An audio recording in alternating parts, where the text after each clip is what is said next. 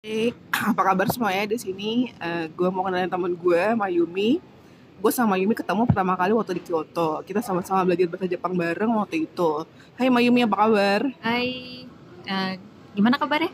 Eh baik dong. Lo gimana kabarnya sekarang? Alhamdulillah sehat. Nah, mumpung lo ada di sini sekarang, gue mau nanya-nanya tentang Jepang nih sama lo. Boleh kan? Boleh boleh. Kan juga dari Jepang, jadi kita bisa saling share kali ya. Eh boleh boleh. Oke. Gue pengen tahu nih. Eh gue penasaran ketika lo sebelum ke Jepang tuh kesan lo sama Jepang tuh kayak gimana ya Mbak? Kesan gue sama Jepang, Jepang itu teratur, bersih. eh kayaknya teknologinya maju kayaknya sih ya. Ah, iya sih ya Jepang kan terkenal banget sama kebersihannya ya sama teknologinya Betul. zaman Mm-mm. dulu kan Iya. sama merek pana pip gitu kan sama kok si pip gitu kan Sama Hon. sama home pip gitu ya oh gue juga sih pertama kali eh, sebelum gue ke Jepang pertama kali image yang ada di pikiran gue adalah eh, teknologinya bersihnya sama orang-orangnya yang eh, kayaknya teratur terus kerja keras gitu ya Betul. tapi ketika lo eh, lo waktu ke Jepang tahun berapa ya Mai?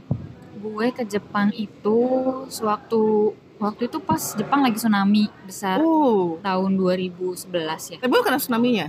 Ah, enggak sih alhamdulillahnya. Oh, oke oke. Kebetulan jadi ke sananya di bulan Mei kurang Ah. lebih eh, setelah kejadian itu. Ah, Gue mulai sekolah di sana. Kalau lu gimana? gue waktu ke Jepang itu eh, tahun 2012 sih nggak ada Hmm. apa-apa. Oh itu pas lagi zaman zamannya teroris lagi marak di mana-mana kan. Waktu itu kalau Ah. salah ada eh, serangan bom teror Ah. di Afrika oleh ISIS kan. Nah cuman waktu itu masalahnya si berita Jepang itu news newsnya Jepang tuh nggak mengatakan bahwa ini eh, ladang apa namanya minyak itu kan perusahaan minyak di Afrika itu diserang oleh teror eh, teroris gitu kan ISIS. Tapi sebetulnya adalah Islam kuni itu atau negara Islam. Itu kayak memberikan apa ya stereotip jelek ke orang Islam. Islam. dan pas gue ke sana itu gue pakai jilbab. Jadi ya ya udahlah ya keciri banget gue orang Islam gitu. Nah setelah lo sampai sana pas eh, pas buat tsunami kan ya terus setelah sampai lo di sana gitu apa sih yang bikin lo shock culture? Shock yang bikin lo kaget jangan shock culture deh yang bikin lo kaget pertama kali tuh apa nyampe sana waktu gue ke sana pertama kali eh, sebenarnya yang kecil-kecil sih. Jadi kayak misalnya kebiasaan mereka eh, contoh taksi deh. Ah. Taksi kan kita manual ya. Mereka taksi pintu belakangnya eh, ternyata sudah otomatis Iya. ya.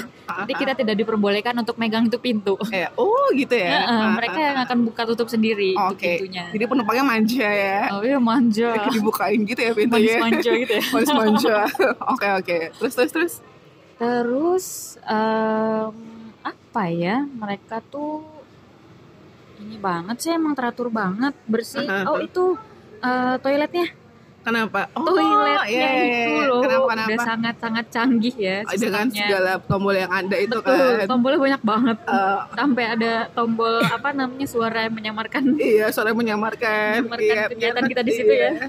Eh, ada iya bisa airnya bisa air hangat air dingin juga kan bisa kalau lagi musim eh, dingin airnya jadi hangat Tempat duduknya juga jadi hangat. iya itu wow banget Wow, wow banget sih itu. kalau gue sih betah banget sih main nongkrong di kamar mandi gara-gara itu Asal jangan Ah, ketiduran di situ iya, ya. benar, benar. Jadi karena toiletnya juga tadi kan lo Hmm. uh, kaget juga. Terus sama karena apa tadi barusan? yang bikin lo kaget.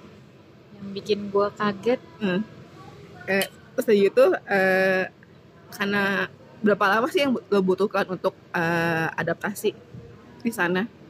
adaptasi berapa lama Setelah ya? lo kaget, wah kaget gitu terus banyak hal-hal baru di sana kan yang lo temuin yang beda banget sama ada beda banget sama ada di Indonesia. Hmm. Terus lo adaptasinya berapa lama di sana? Eh, sebenarnya include sama bahasanya juga. Gue kes di sana itu adaptasi ya beberapa bulan sih sebenarnya sih sekitar tiga bulanan lah ya. Karena memang eh, bahasanya pun kan kita beda. Iya. Walaupun udah belajar basic di sini, tapi begitu ke sana karena kita ngadepin secara realnya itu jadi agak-agak kagok-kagok sih. Ah, Jadi ya itu juga salah satunya perlu adaptasi. oh gitu. yang bikin susah lo adaptasi apa? Makanannya, kah, cuacanya, apa eh, orang-orangnya? yang bikin gue susah adaptasi sebenarnya eh sama kebiasaan sebenarnya bahasanya juga sih yang lumayan agak susah Oke. karena pertama memang beneran kagok sih walaupun Iya. kita udah belajar basic tapi ternyata kan Iya. teori ya kalau di sini Iya. begitu di sana real kita dengar orang yang ngomong langsung kita yang kagok-kagok nih orang ngomong apa ya tadi Oh, ya iya. gimana gue jawabnya ya Gimana Kayaknya kita meresponnya Nah, gitu ya. kayak gitu Hah. sama ya ya sih lebih di situ sih kalau lo gimana Kalau gue mungkin adaptasi di orang sama di makanan ya. Gue kangen banget sama makanan Indonesia. oh iya Indonesia tuh enak banget. betul Ini beda kan kalau makanan Jepang tuh lebih nggak berbumbu kan, nggak berbumbu, nggak berbau gitu kan. Kalau di, di Indonesia kan baunya strong banget ya, bau rendang, bau pete segala macam. Terus bumbunya juga macem-macem kan. Ah, betul Terus sama orangnya tuh beda banget sih. Mungkin karena eh, kita di Kyoto dulu kali ya. Jadi eh, bukan di kota besar. Orang-orangnya mungkin lebih apa ya, lebih pendiam kali ya. Lebih eh, eh, tertutup beda banget sama yang di Jakarta gitu kan. Hmm. jadi gue adaptasi sama orang-orangnya. Tapi alhamdulillahnya sih gue dapat teman-teman yang support gue jadi yang namanya homesick itu yang namanya proses adaptasi itu ya, berjalan eh, lancar sih gitu. Terus gimana dulu lo eh, bisa ngelewatin mengatasi homesick lo itu mengatasi homesick gue adalah eh, gue punya stok eh, bumbu makanan Indonesia. Jadi gue kan waktu dulu dulu kan gue sama lo kan eh, suka bikin acara masak bareng-bareng ya. Bikin martabak lah segala bikin eh, bubur kacang hijau lah. Terus kadang juga ketemu sama teman-teman Indonesia. Ah, ada momen-momen lo kangen ngomong bahasa Indonesia kan? Jadi Iya, ketika lo betul. stres banget ketemu sama eh, berbagai negara ketemu orang sebangsa dan lo bisa ngomong bahasa Indonesia itu tuh rasanya lega sih Lega buat sih. gue Hah. Nah, ini backstory dulu nih. Jadi Aha. sebenarnya sebelumnya kita berdua ketemu pertama kali pas eh, di acara Persatuan Pelajar Indonesianya di Iya. Kyoto. ya Jadi ada kayak perkumpulan eh, student-student Indonesia yang ada di Kyoto dan mereka suka banyak kegiatan dan akhirnya kita ketemu hmm. gitu. Makanya memang suka ada ya kegiatan-kegiatan ya kita ngumpul-ngumpul, kita bikin makanan-makanan Indonesia Iya. masak-masak bareng. Hmm. Eh, acara angklung lah atau pengajian lah macam-macam deh kita sering ngumpul-ngumpul jadi ya memang itu sih salah satunya ya buat Iya. ngebu- ngobatin eh, homesick kita benar-benar ngobatin eh, apa rindu keluarga, rindu, Rindu- teman, rindu gitu makanan rindu Indonesia, makanan, kan. gitu kan. Jadi Iya. kumpul-kumpul bareng gitu kalau buat gue sih, buat kita sih mungkin eh, rekomen ba- rekomen banget buat teman-teman yang tinggal di luar negeri untuk gabung di eh, PPI Perhimpunan Pelajar Indonesia gitu kan. Itu Iya karena kayak eh, menemukan rumah lah di eh, di rantau gitu. kita juga bisa tukeran info sih ya kalau Iya, di situ benar, entah itu benar. baito baito tuh part time ya Hmm. baito atau mungkin eh, tentang studi di sana universitas benar. mana yang bagus kalau misalnya mau meneruskan eh, belajar ya di sana atau pekerjaan bisa Hmm, jadi Bisa jadi kita banget. bisa banget eh, apa biasanya sering sih ya Iya. sharing ya Nah, kalau menurut lo eh di eh, di PPI juga ada orang Jepang juga ya yang support eh, kegiatan PPI kita ya. oh iya eh. Itu termasuk orang Jepang yang udah sering ke Indonesia. Jadi Mm-mm. mereka udah tahu sih karakter Indonesia kayak gimana. Kalau menurut lo nih, orang Jepang pada umumnya gitu ya, kalau temuin waktu itu kayak gimana sih, Mai? yang gue yang gue temuin orang-orang Jepang itu mereka sopan-sopan Heeh. sangat teratur apa-apa pasti biasanya Hmm. izin Iya. Eh, mereka sangat menghargai pri- privacy Iya. Eh, lumayan tertutup sih ya Mhm. sebenarnya kalau rata-rata kayak misalnya kita suka ketemu di mana entah di department store atau di eh, electronic store gitu ada aja gitu misalnya orang yang kayaknya eh, takut untuk berbahasa asing jadi kadang-kadang ngelihat kita yang orang asing kabur-kaburan Iya.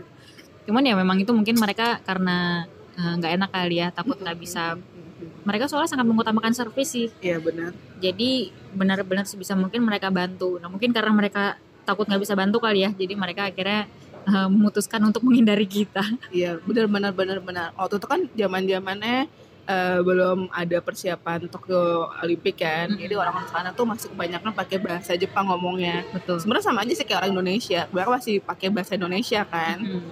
Terus mungkin karena eh, keterbatasan bahasa itu mereka takut kali ya misalnya kalau ngomong sama kita takut memberikan informasi yang salah gitu kan. kalau kita kan maksudnya kalau nggak bisa bahasa Iya. nggak bisa bahasanya Iya. ya udah pakai bahasa Tarzan Iya. kali ya yang Tapi mereka ngerti Iya, tapi setelah gue sampai sana, gue baru nyadar kalau ternyata orang Indonesia tuh ramah banget, Iya. Ah, ramah banget sih gitu kan, sama orang yang kenal aja, mereka mau nyapa, mau bantu. Mm. Mungkin ini bedanya sama orang Jepang kali ya, mungkin mereka eh, lebih apa ya kaku lebih dingin gitu kan misalnya Hmm. kalau ada kenapa kenapa tuh cuek nggak semuanya tapi kebanyakan kayak Kebanyakan gitu kayak gitu gitu. kan kayak gitu deh sih service tuh mereka paling top Iya, banget ya service lebih top sih SOP-nya bagus sih parah parah tapi secara karakter asli Indonesia oke gitu Oke. kan terus jadi overall gimana eh, kesan lo sama Jepang setelah lo sampai Jepang? Dan lo kembali lagi ke Indonesia? Sebenarnya kalau pas gue ke sana gue belajar macam-macam sih. Maksudnya ya apa? Ya kita belajar budayanya mereka kita Iya. tahu kebiasaan mereka seperti apa apa Hmm. yang boleh dan gak boleh di sana. Ah, eh eh, gimana ya? Keren sih menurut gue keren. Keren Hmm. banget Jepang tuh dan gue pengen lagi ke sana sih untuk jalan-jalan tentunya ya. Setuju setuju setuju. Gue juga Sama ada banyak hal-hal plus eh, dari kebiasaan mereka yang sebenarnya patut untuk kita eh, tiru sih sebenarnya. Ya benar. Setuju setuju. Kalau lo gimana? Eh, kesan gue setelah dari Jepang sih ya memang eh, menurut gue memang sesuai lah negara Jepang bisa maju. Karena orang-orangnya juga kerja keras banget disiplin terus juga eh, keramahan SOP-nya juga eh, bagus banget apa service excellence banget. Jadi ya sesuai lah eh, mereka menjadi negara yang maju kalau menurut gue. Terus eh, selain itu hebatnya mereka bisa balance sih antara modernitas sama tradisional.